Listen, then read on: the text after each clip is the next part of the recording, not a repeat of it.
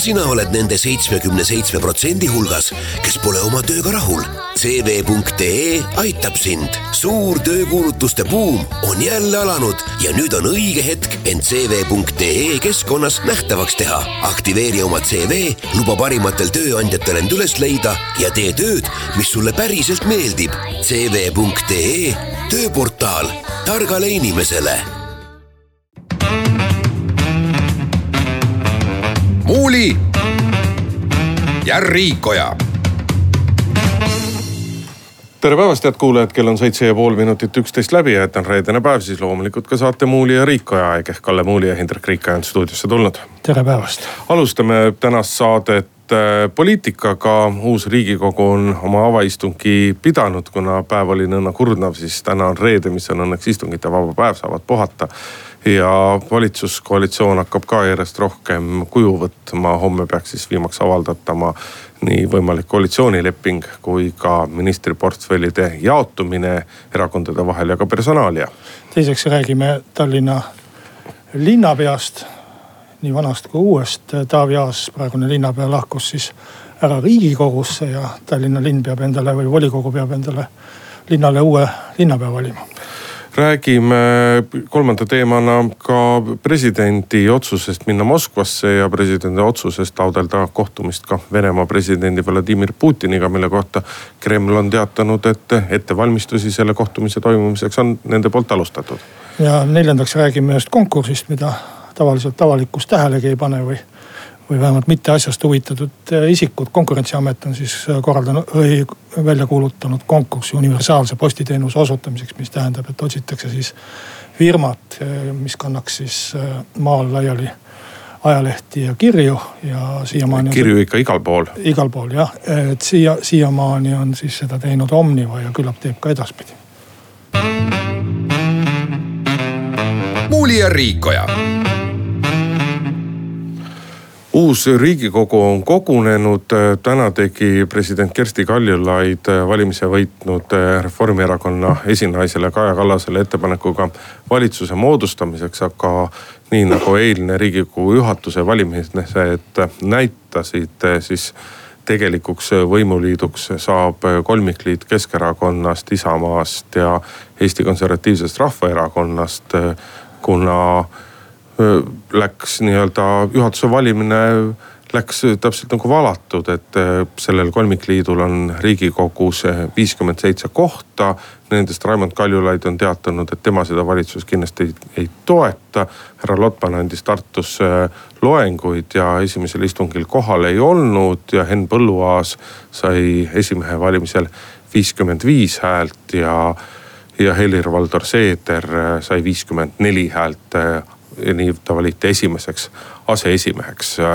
huvitavam küsimus muidugi on see, et millised saavad olema, milline saab olla, olema ministrikohtade jaotus, aga seda sina, Kalle, tead kindlasti täpsemalt, et avalikkusele on seda lubatud homme pärast erakondade volikogusid avalikustada, aga räägi meie kuulajatele siis ära, et mis kohad Isamaa saab ja mis äh, ministrikohad teistele jäävad. ütlen ausalt, et ega ma kõiki kohti ei teagi. no räägi need, mis sa tead. Isamaa omasid küll no.. Äh, kindlasti järgmises saates saame neid äh, põhjalikult. Kalle, ära ole nüüd nii tagasihoidlik, mõtle ja... oma kuulajatele, kes sind kanduvalt igal reedel kuulavad, et nad tahaks juba täna kuulda uudiseid.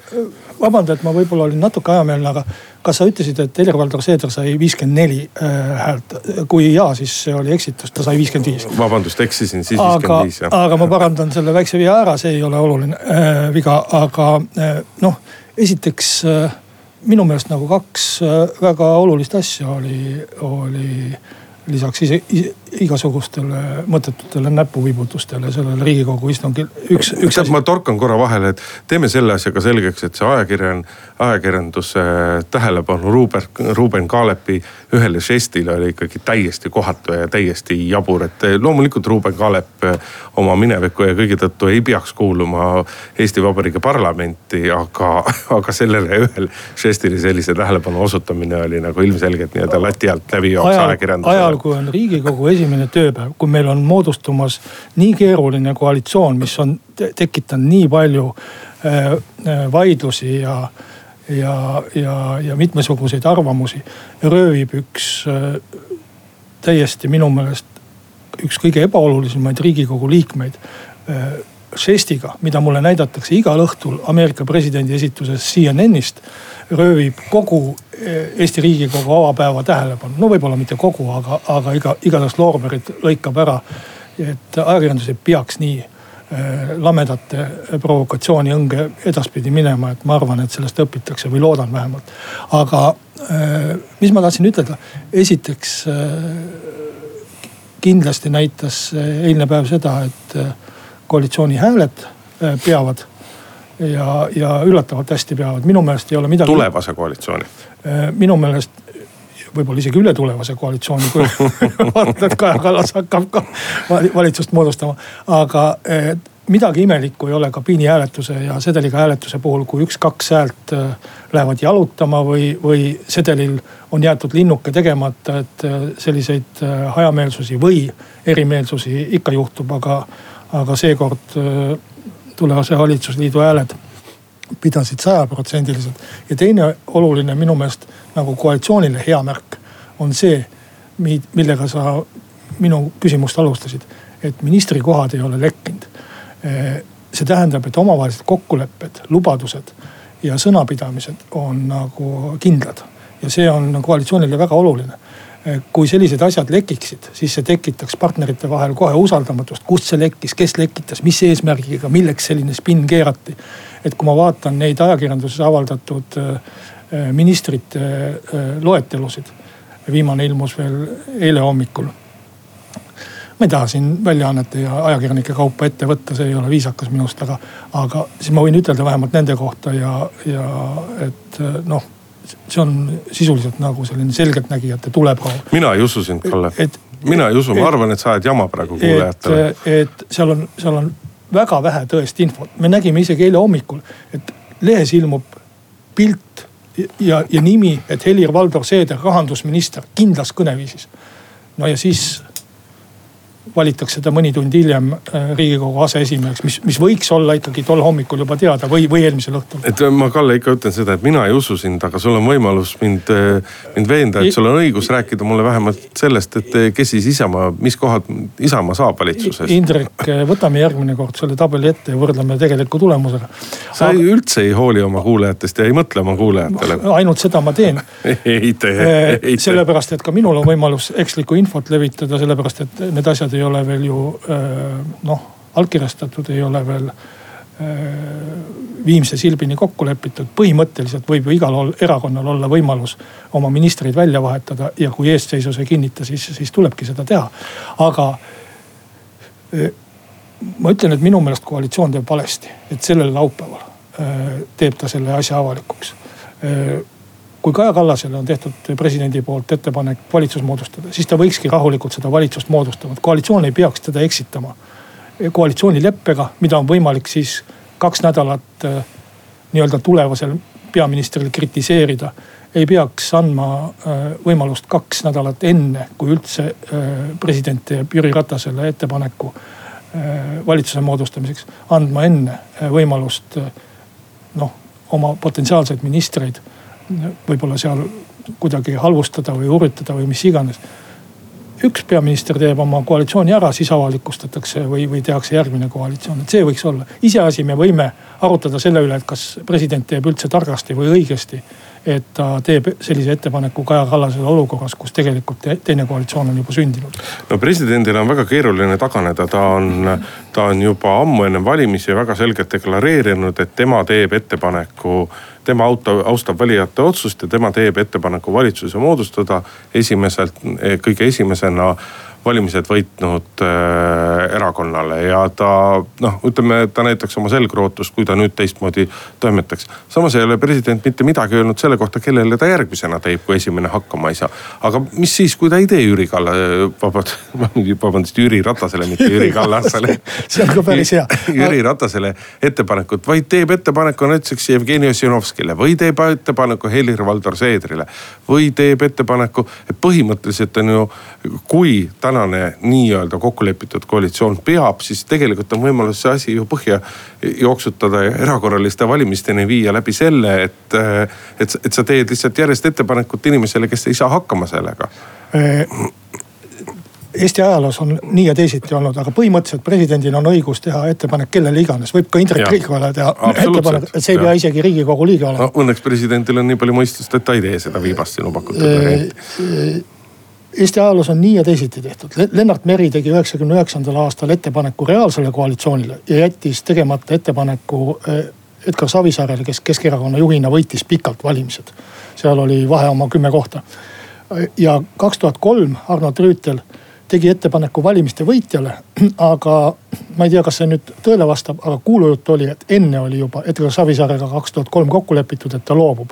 ja tõesti, see Savisaare loobumine tuli siis mõne, mõne tunni jooksul pärast seda, kui president oli teinud äh, talle formaalse ettepaneku ja ta siis loobus ja kohe sai edasi minna. praegu ma kardan, et, et meil juhtub selline asi, et äh, nädal või kaks äh, me tegeleme sellise tühikäigul noh sõnade loopimise või, või kirgede üleskütmise või millega iganes. et, et tegelikult on ju teada, et ka Kallase valitsust ei sünni ja, ja, ja uus valitsus peab siis kaks, kaks nädalat ootama, kuni ta saab ametisse astuda. no kindlalt ei ole, kindlalt ei ole poliitikas mitte midagi ja see, et äh, Kaja Kallasele tehakse see ettepanek ja see, et Kaja Kallas üritab kaks nädalat seda valitsust kokku panna. see on täiesti normaal, täiesti samamoodi normaalne demokraatia osa. ei, ma ei ütle seda, et nagu seda ei võiks EKRE, teha. EKRE koalitsiooni võtmine, eks ole, oleme siis ka ausad, et pigem võiks nii-öelda las teeb Kaja Kallas valitsust, et ma ei tea, kas EKRE-t peab võtma. kas EKRE-t peab valitsusse võtma, aga, aga siin on nagu selle pikalt jah, sa juhid õigesti tähelepanu, et, et selles on oht, et eh, nii pikalt saab olema siis nii-öelda Keskerakonna, Isamaa ja EKRE koalitsioonileping teada, ministrikohtade jaotus teada ja ka ministrite personaalia teada, sest et eelkõige EKRE puhul valitseb see oht, et, eh, et eh, noh, nii nagu tuleb stiilis Ruuben Kaalepi kohta tuleb välja kõiksuguseid asju, mis noh, ütleme ühte parlamendisaadikut kohe kindlasti mitte ei kaunista ja üleüldse ühtegi inimest väga ei kaunista. et eh, on lihtsalt väga reaalne oht, oht, et mõni nende, mõni nende ministrikandidaat võidakse vahepeal auklikuks lasta, ehk nad on sunnitud kahe nädala pärast oma nii-öelda personaaliat muutma. ja, ja, ja, ja võib-olla, eks ole, mõne planeeritud ministri kellegi teise vastu välja vahetama. no see oleks iseenesest veel hea, et kui, kui tõesti on mõni selline inimene juhtunud ministrikandidaadiks, et ta vahetatakse välja enne, kui ta üldse valitsusse jõuab. et selle, selles ma näen isegi positiivset poolt, aga, aga. et noh, Martin Repinski piinlik lugu on meil ju siiamaani nagu meeles no.. aga põhimõtteliselt ma arvan küll, et eks kaks-kolm, kaks-kolm kuud võib juhtuda valitsusega ja valitsuskoalitsiooniga igasuguseid Äh, huvitavaid asju, et kui me mäletame kaks tuhat kuusteist Keskerakonna võimule tulekut, siis oli ju ka, nad olid nii kaua opositsioonis olnud, et valitsemiskogemus puudus ja siis öeldi igasuguseid asju, tehti igasuguseid asju ja tuli välja igasuguseid asju no,. et ma arvan, et EKRE puhul võib, võib üsna palju samalaadset asja olla. no vaata Jüri Ratasega on õnneks see hea, et peaminister on, ta on harjunud suhteliselt, ministrite suhteliselt kiire käibega, nii et selles mõttes ta on harjunud. vabandamine tuleb ka hästi välja. jah, teeme siinkohal väikese pausi Muuli ja Riikoja. jätkame saadet stuudios Indrek Riikoja ja Kalle Muuli. Äh, riigikogu valimised ja valitsuse moodustamine on toonud kaasa siis ka selle, et äh, Eesti pealinn Tallinn on äh, jäämas või jäänud linnapeata, Taavi Aas. on jäänud juba ikkagi. Taavi Aas on riigikogu liige ma ei teagi, kuidas seal selle ametiketi üle, üleandmine käib, kui, kui inimene on ära riigikogusse lahkunud, aga. aga äkki siis Taavi Aas tuleb mäe pealt veel korraks alla ja annab kogu varanduse üle sellele inimesele, kes siis volikogu poolt ametisse. noh, tahaks ütelda, et valitakse, aga kuna volikogus on Keskerakonnal absoluutne ülekaal, siis peaks vist ütlema, et määratakse ehk siis. Äh, linnapea on valitud ja nüüd nimetatakse ametisse, sest et Keskerakonnas ta kahtlemata valiti, nii-öelda erakonna sees ta kahtlemata valiti ja selleks uueks, äh, uueks linnapeaks saab äh, senine volikogu esimees Mihhail Kõlvart, mis on siis Keskerakonna selles mõttes taktikaline käik, et näha on, et Tallinnas on, on vene ja üleüldse on venelaste hääli tublisti kaotatud, et siin nüüd siin nüüd loodetakse sellega venelaste hääled tagasi võita. aga aga see on ikkagi üksjagu, et paras miin on selles, selles mõttes all, et ikkagi on väga palju, väga palju eestlasi, kes seni on Keskerakonna toetanud, aga kellel ikkagi olemuslikult ja põhimõtteliselt nii-öelda venelase või õigupoolest ka mitte venelasest linnapea ju tegelikult, ega Mihhail Kõlvart ei ole venelane. Et tal on ema poolt on tal Korea juuri ja, ja, ja mida kõike veel, et, et see väga paljudele inimestele hinge ei mahu, et selles mõttes äh, ütleme ainult selle käiguga Keskerakond kindlasti nii-öelda haljale oksale uuesti ei jõua ja, ja sellega nii-öelda järgmist valimisvõitu kohalikel valimistel Tallinnas ei tsementeerita. ma ei tea jah, kas siin tasub sellise rahvusküsimusega õli tulle valada, aga, aga Eesti ajaloo. ei, ma ei vala tulle, ma lihtsalt konstateerin fakti. et Eesti ajalooraamatutes väga rõhutatakse, et kui, kui Tallinn sai endale esimese eestlasest linnapea. et nüüd võime ütelda siis ikka, ikka päris, päris kümnete aastate järel saab Tallinn endale mitte-eestlasest linnapea, sest isegi nõukogude ajal. Äh, ma ei tea, kas seda tehti, tehti sihilikult sellise äh, mingisuguse rahvusfooni loomiseks määrati Tallinna linnapeaks eestlasi või see juhtus lihtsalt nii sõltumata. sa tahad öelda, et nõukogude ajal ei olnud ühtegi mitte-eestlasest linnapead no, Tallinna all või? igatahes oma, oma ajaloo mälu põhjal, ma ei ole seda kontrollinud ja võib-olla tõesti siis üksik kuskil on, aga ma ütlen sulle, et nõukogudeaegsest Tallinnast mulle ei meenu ühtegi äh, äh, teisest rahvusest äh, linnapea, need kõik olid eesti nimedega, võib-olla tõesti kellelgi oli ema või isa kuskil seal olnud mõnest teisest rahvusest, aga minu meelest need rahvusküsimused ei ole nii olulised, et, et et äh, mis, mis, kui palju verd kellegi soontes äh, voolab, siis peame hakkama arutama, et kas Lennart Meri oli ema poolt rootslane või mis iganes. põhiline jutt, et mis rahvus see, see ei ole, see ei ole tähtis. just, mis rahvus see eestlanegi on. tähtis on see ikkagi kuvand, äh, mis tal olemas on ja, ja see poliitika, mis ta ajab ja noh, selgelt, selgelt on see ikkagi nagu käik Keskerakonna Yana Toom ütleb vene tiiva, aga mina ütlen siis no ütleme venelastest valijate äh, sümpaatia võitmiseks, mis äh, Tallinnas on hakanud ära vajuma. huvitav küsimus on see, et Keskerakonnas on mõnda aega sisuliselt ju linnapea vahetus tähendab ka linnavalitsuse vahetust äh, vormiliselt et kas see, ütleme, koomiline moodustus nimega koalitsioon erakonnaga Eestimaa Rohelised, et kas see ka jätkub, sellepärast et Keskerakonnas, Keskerakonna sees ja ka Tallinnas see Keskerakonna nii-öelda Tallinna rakukeses on pikalt selle üle mõt-, selle üle mõtiskletud, et kas meil nagu, et noh, et miks me neid hoiame ja mis kasu me sellest saame ja kas see meile üleüldse midagi annab ja ega ainuõige vastus enamusele nendele küsimustest on ei, et ega noh, tegelikult ei ole mitte mingisugust praktilist põhjust rohelisi eh, Tallinna linna koalitsioonis eh, hoida ega kõik need asjad, mida rohelised nii-öelda on oma esimehe Zuzu Izmailova juhtimisel ära teinud, noh on rohkem sihukesed nagu naljateod, et stiilis. et plast, plastist ühekordseid nõusid ei tohi varsti enam Tallinna väliüritustel kasutada ja nii edasi.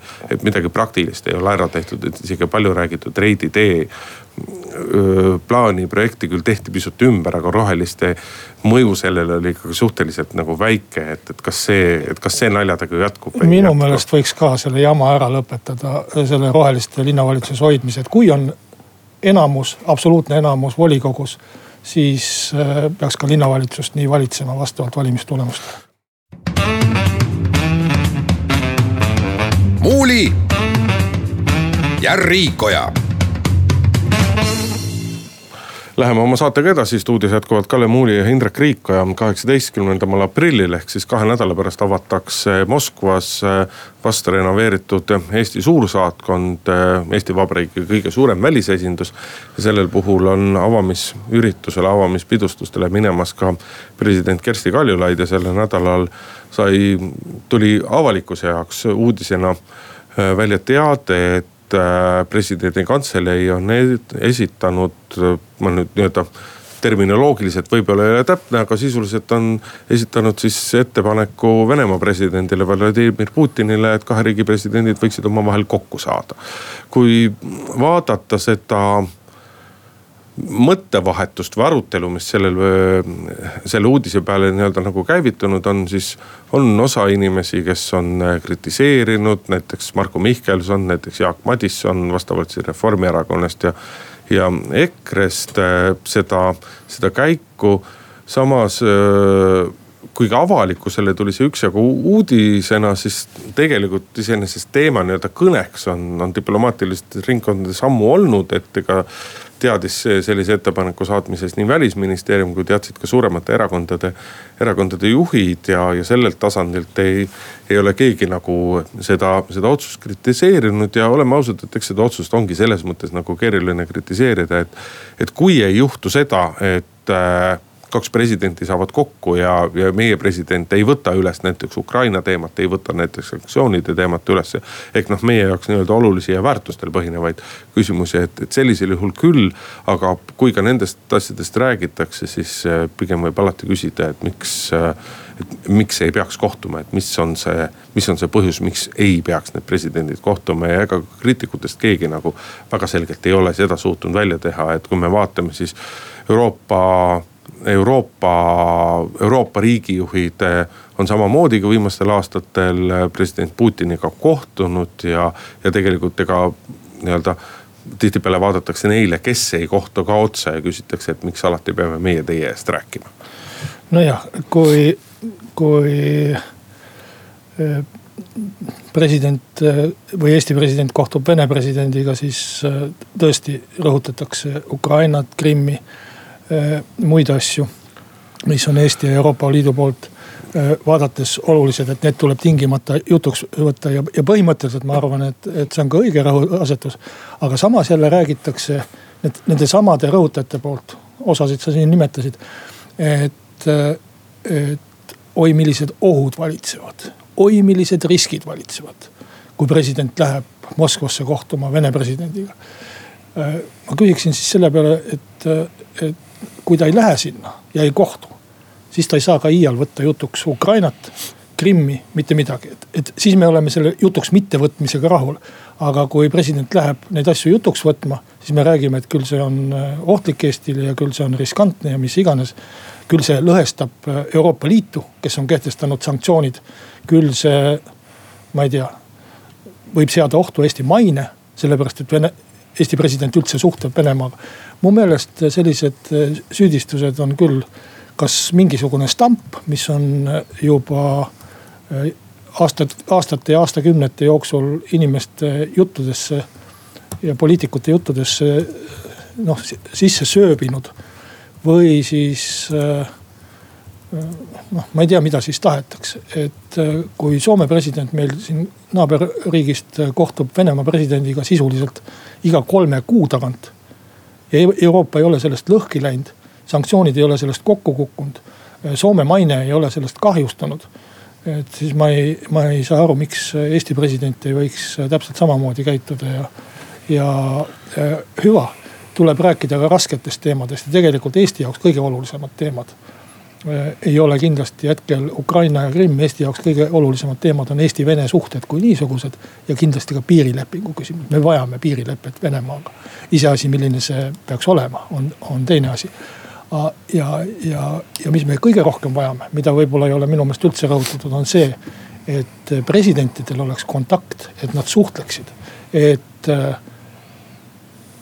esimese kohtumise kõige suurem tulemus võiks olla see, et tuleb ka teine kohtumine et äh, kui on see kontakt olemas ja suhe olemas ja, ja mingisugunegi selline inimlik läbisaamine. siis on võimalik kõigest rääkida. et sa ei pea oma naabriga esimesel korral minema rääkima ainult nendest asjadest, mis teineteisele vastumeelsed on. kindlasti tuleb otsida ka seda, mis praegu on väga äh, populaarne valitsuskõnelustel, tuleb otsida seda ühisosa. milles me saame rääkida nii, et me äh, üksteist ka kuulame ja saame koos midagi teha on see siis, ma ei tea, kultuuriküsimused või keskkonnakaitsed, see ajab kõiki naerma praeguses poliitilises olukorras. aga, aga ma arvan, et eh, lisaks Eesti jaoks olulistele suhete ja, ja, ja piirilepingu küsimustele võiks, võiks president otsida ka ka selliseid küsimusi, mida tõesti saaks eh, ka järgmisel ja ülejärgmisel kohtumisel arutada ja millega saaks ka positiivselt edasi minna. no kõige suuremad ootused eh, presidendi kohtumisele on kindlasti Eesti ettevõtjatel, kes nii-öelda ootaksid ootaksid äh, majandusliku koostöö paranemist, aga samas siin on selge, et äh, nii-öelda sanktsioonipoliitika kehtib. Eesti sellest kindlasti ei tagane ja Eesti seda sanktsioonipoliitikat just nimelt eelkõige Ukraina sündmuste tõttu nii-öelda muutma, muutma ei hakka, et selles mõttes tegelikult jah, ega sellelt kohtumiselt ei ole mõtet oodata muud, kui et kohtutakse, et see nii-öelda märk saab maha pandud, sellepärast et kes oli viimane Eesti Vabariigi president, kes kohtus Venemaa presidendiga. Toomas Hendrik Ilves et eh, ja millal ta kohtus? kaks tuhat üksteist. noh, me räägime, eks ole, kaheksa aasta tagusest, eh, kaheksa aasta tagusest ajast. et selles mõttes see, see kohtumise fakt iseenesest on nii-öelda diplomaatias kõige olulisem. ja et ühest küljest on see võimalik meil endal öelda, öelda, mis me mingisugustest asjadest arvame otse Venemaale, teiselt poolt meil on ka oma nii-öelda koostööpartnerid võimalik võimalik öelda, et me ka tegeleme, et me ei, me ei ole alati, et ei ole nii, et me oleme need väiksed, kes peavad ainult eh, teineteise, teiste peale lootma et äh, tahaks veel kord rõhutada, et keegi luges siin kuskil kokku, et äh, Sauli Niinistö, Soome president on Putiniga kohtunud kolmteist korda.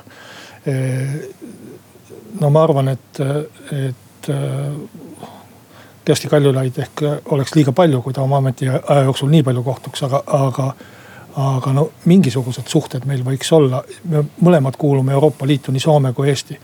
ja, ja noh, selge on see, et sanktsioonide osas ei saa olla mingeid järeleandmisi. ja, ja mingit eraldi poliitikat Euroopa Liidust, et meil on siin mingisugune tagauks või kust me ajame mingisugust oma ärimeeste asja. et ma arvan, et see oleks, oleks vale tee, aga lisaks sanktsioonidele on riikide vahel ju palju igasuguseid muid asju ja ja ka see, kui meil on lihtsalt kanal, mille kaudu eh, Vene eh, riigipeaga või kõrgema võimuga suhelda. et see oleks hea, muide Eesti poliitikud ei ole eh, sugugi nagu viimati käinud kaks tuhat üksteist, lihtsalt presidentide kohtumine oli siis, aga peaminister Jüri Ratas käis ju eelmine aastagi Venemaal, Peterburis Eesti sajanda aasta. ma ei pidanud silmas mitte millal on lihtsalt käinud, vaid millal on pre Eesti ja. Vabariigi president kohtunud Vene Vene riigi presidendiga, et. et, et minu poolt äh, ma, ma presidenti võib-olla mõtlen, et miks ta raiskab valitsuse moodustamise aega kaks nädalat, mis ma eelmise teema juures ütlesin. aga kindlasti seda Moskva initsiatiivi ma väga tervitan ja ma arvan, et see on presidendi poolt julge samm. Äh, isegi kui see osutub edutuks ja, ja, ja viljatuks ja tulemustetuks, et äh, lihtsalt tango tantsimiseks on kahte poolt vaja ja kui Putin ei soovi suhelda, siis ja, ja selgub kohtumisel, et, et ta soovib ainult mingisuguste sanktsioonidesse kiilu lüüa.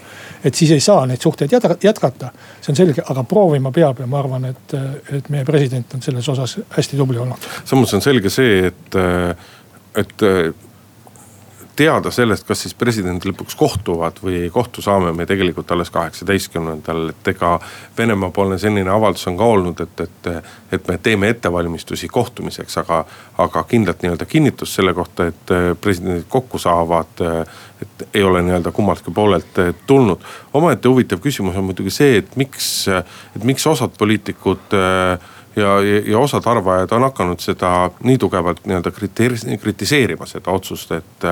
et on selle taga nagu mõne inimese võib-olla isiklik solvumine, et teda ei ole kaasatud ettevalmistusprotsessist, et eks ta tõsi on, et nii-öelda võtmeisikud on seda asja teadnud, aga teda nii-öelda väga laialt ei ole seda teemat arutatud või, või räägitud, et on need mingite inimeste nii-öelda nagu isiklikud solvumised või, või on selle taga midagi muud? Raske öelda, et ega teise inimese pea sisse ju ei näe, aga, aga sa pead ilmselt silmas väliskomisjoni. nüüd siis võiks riigikogu väliskomisjoni endist juhti Marko Mihkelson. no mina nimesid ei nimetanud siinjuures. et noh, tal on selles mõttes õigus, et riigikogu väliskomisjoniga ei ole seda ilmselt kooskõlastatud, aga noh riigikogu väliskomisjon on ju olemas olnud ikkagi ainult formaalselt, et riigikogu on oma istungid lõpetanud Äh, uued liikmed on valitud, äh, uut komisjoni ei ole moodustatud, riigikogu komisjoni hakatakse tavaliselt moodustama siis, kui noh, valitsus on ametisse astunud, äh, ehk siis ministrid on riigikogust ära läinud, et ei pea nende asemele jälle uusi liikmeid hakkama sinna panema. et noh, kui tahaks, kui, kui tahaks, kui tahaks demagoogiline natuke olla, siis ma ütleks. välisministeeriumid, et teaksid suursaadikud, et, et sellistel tasanditel see töö käiks. kui ma tahaks demagoogiline olla, siis ma ütleks, et üheksakümne neljanda aasta suvel läks äh, president äh, Lennart Meri äh, Moskvasse sõlmima Vene vägede väljaviimise lepingut sisuliselt üleöö ja riigikogu väliskomisjon ei teadnud sellest midagi muud kui. no võib-olla, et sai päev enne teada või ajalehtedest luges aga kas kurdeti? Aga ma ei arva, et asjad riigis nii peaksid käima, et see ei ole hea viis, aga ma arvan, et see on seletatav sellega, et riigikogu ja valitsus sisuliselt on laiali läinud ja, ja väliskomisjon noh, on paberi peal olnud olemas. muuli ja Riikoja. Läheme saatega edasi, ennem kui nii-öelda postiteema juurde lähme, siis äh, värsked poliituudised äh, räägivad sellest, et äh, tulevane koalitsioon on ühe liikme kaotanud, nimelt Raimond Kaljulaid astub Keskerakonnast välja, aga seda, mida ta nüüd edasi teeb, sahistatakse Reformierakonnaga ühinemisest. kas see ka nii läheb, eks seda näitab, aeg näitab, et Raimond Kaljulaid on, on kohe pressikonverentsi sellel teemal andmas. ma mäletan, et me tegime siin paar saadet tagasi, kui üldiselt räägiti, et äh, Kaljulaid äh, kavatseb Ratase vastu erakonna esimeheks kunagi kandideerida või mis, tegime avalduse, et, et ta vastupidi on teel mõnda teise erakonda oma erakonnast lahkumas. sest ega sellist erakonna nii-öelda lõhestajat või, või erakonna juhatuse vastu ajakirjanduse vahendusel kampaania korraldati, ei valita kunagi erakonna esimeheks, sellepärast et erakonda on vaja ikkagi ühendada ja. Ja kui ta sel viisil teeb oma kampaaniaid, siis selge see, et tal on väga suur vastuseis ka noh, mingist erakonna leerist, ütleme siis Jüri Ratase leerist, kui, kui erakonda tohib niiviisi leerideks jagada aga me vist ennustasime, ma ei mäleta, kas sina või mina või mõlemad. me rääkisime sellest, et äh, ta võiks sotsidesse minna ja sobiks sotside esimeheks päris hästi. sotsidel kindlasti on praegu äh, esimehe probleem ja, ja ma arvan, et, äh, et sotsid vajaksid endale uusi inimesi praegu rohkem kui, kui, kui Reformierakond, kellega on niigi. ega sotsidelgi seal uutest puudus ei ole. Neid Kaljuga algavaid uusi nimesid on sinna tekkinud, tekkinud, tekkinud ka enne riigikogu valimisi, nii et nii et äh, väga huvitav valik oleks iseenesest Raimond Kaljulaid sotside juhina. ma sellise noh, teatud intriigi ja, ja riski mõõdukates piirides armastava inimesena kindlasti.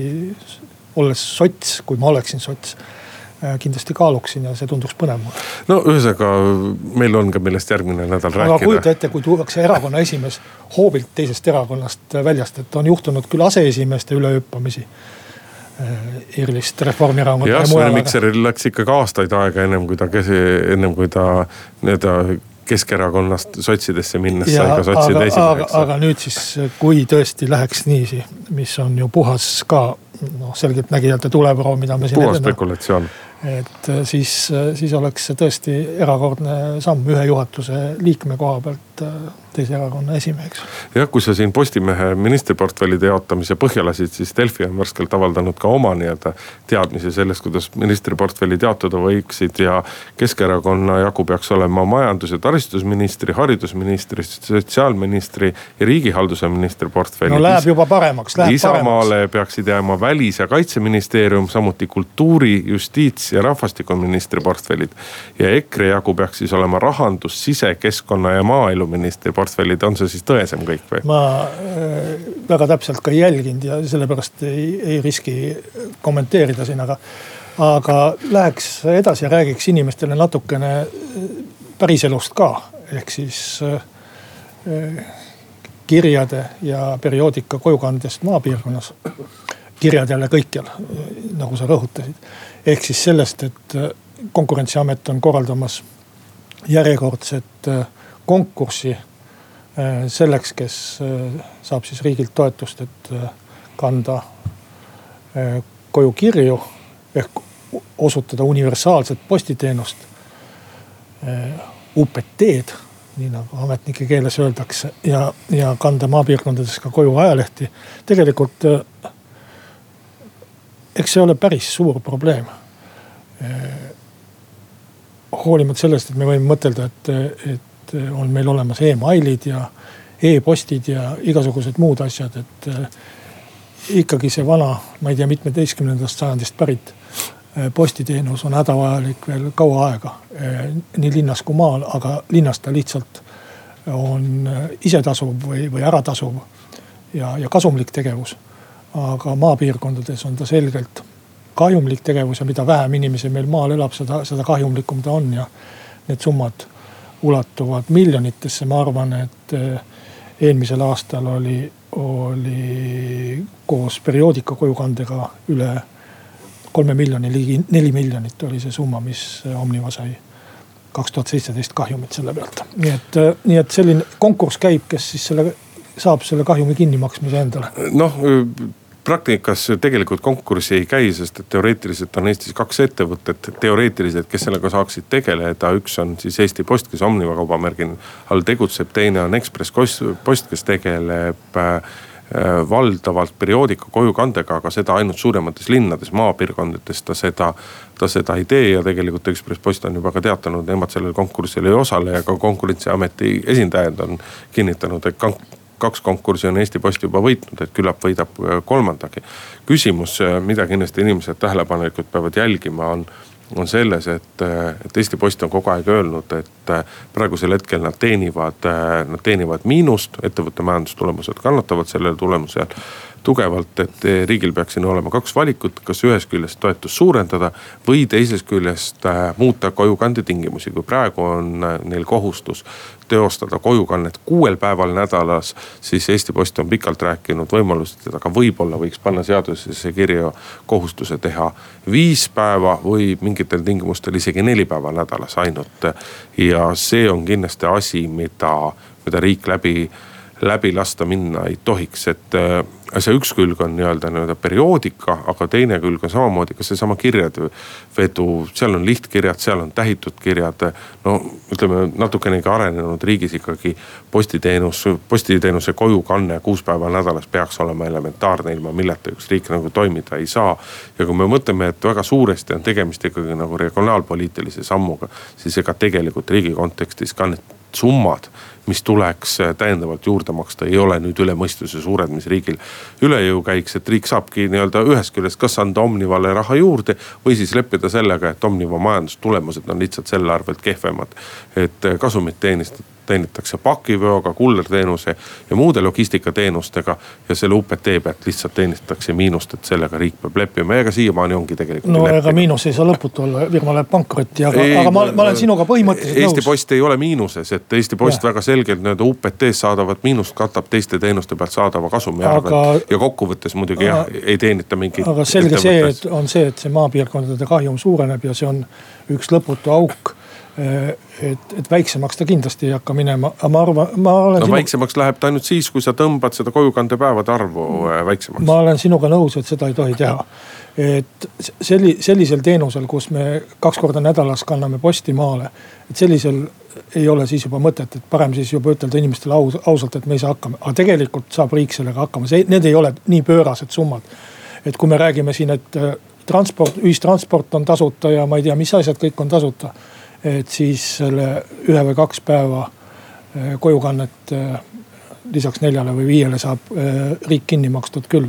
ja, ja seda tuleb teha, aga nüüd põhimõttelisemalt rääkides, Isamaa programmis oli kõigi riigile, riigile strateegiliselt mitteoluliste ettevõtete erastamine ja ma arvan, et see erastamise punkt läheb ka ka suhteliselt. et sa arvad, et Eesti Post on see strateegiliselt mitteoluline ettevõte, kelle võiks erastada? Äh, ma seda ei ütelnud, et ma tahtsin just ütelda, et. ma küsisingi su käest. et näiliselt see tundub äh, lihtne, et äh, anname selle erakätesse, maksame dotatsiooni, nii nagu paljudele asjadele makstakse dotatsiooni, mida eraettevõtted edendavad. aga Eesti Postil on kogu see taristu ja, ja, ja asjad käes, tegelikult seal mingit konkurentsi ei teki ja see hakkab üks äh, raha pumpamine ka erakätes välja, nii et head lahendust minu meelest ei ole, nii nagu nende maapiirkondade asjadega ikka, et äh, sinna lihtsalt tuleb peale maksta.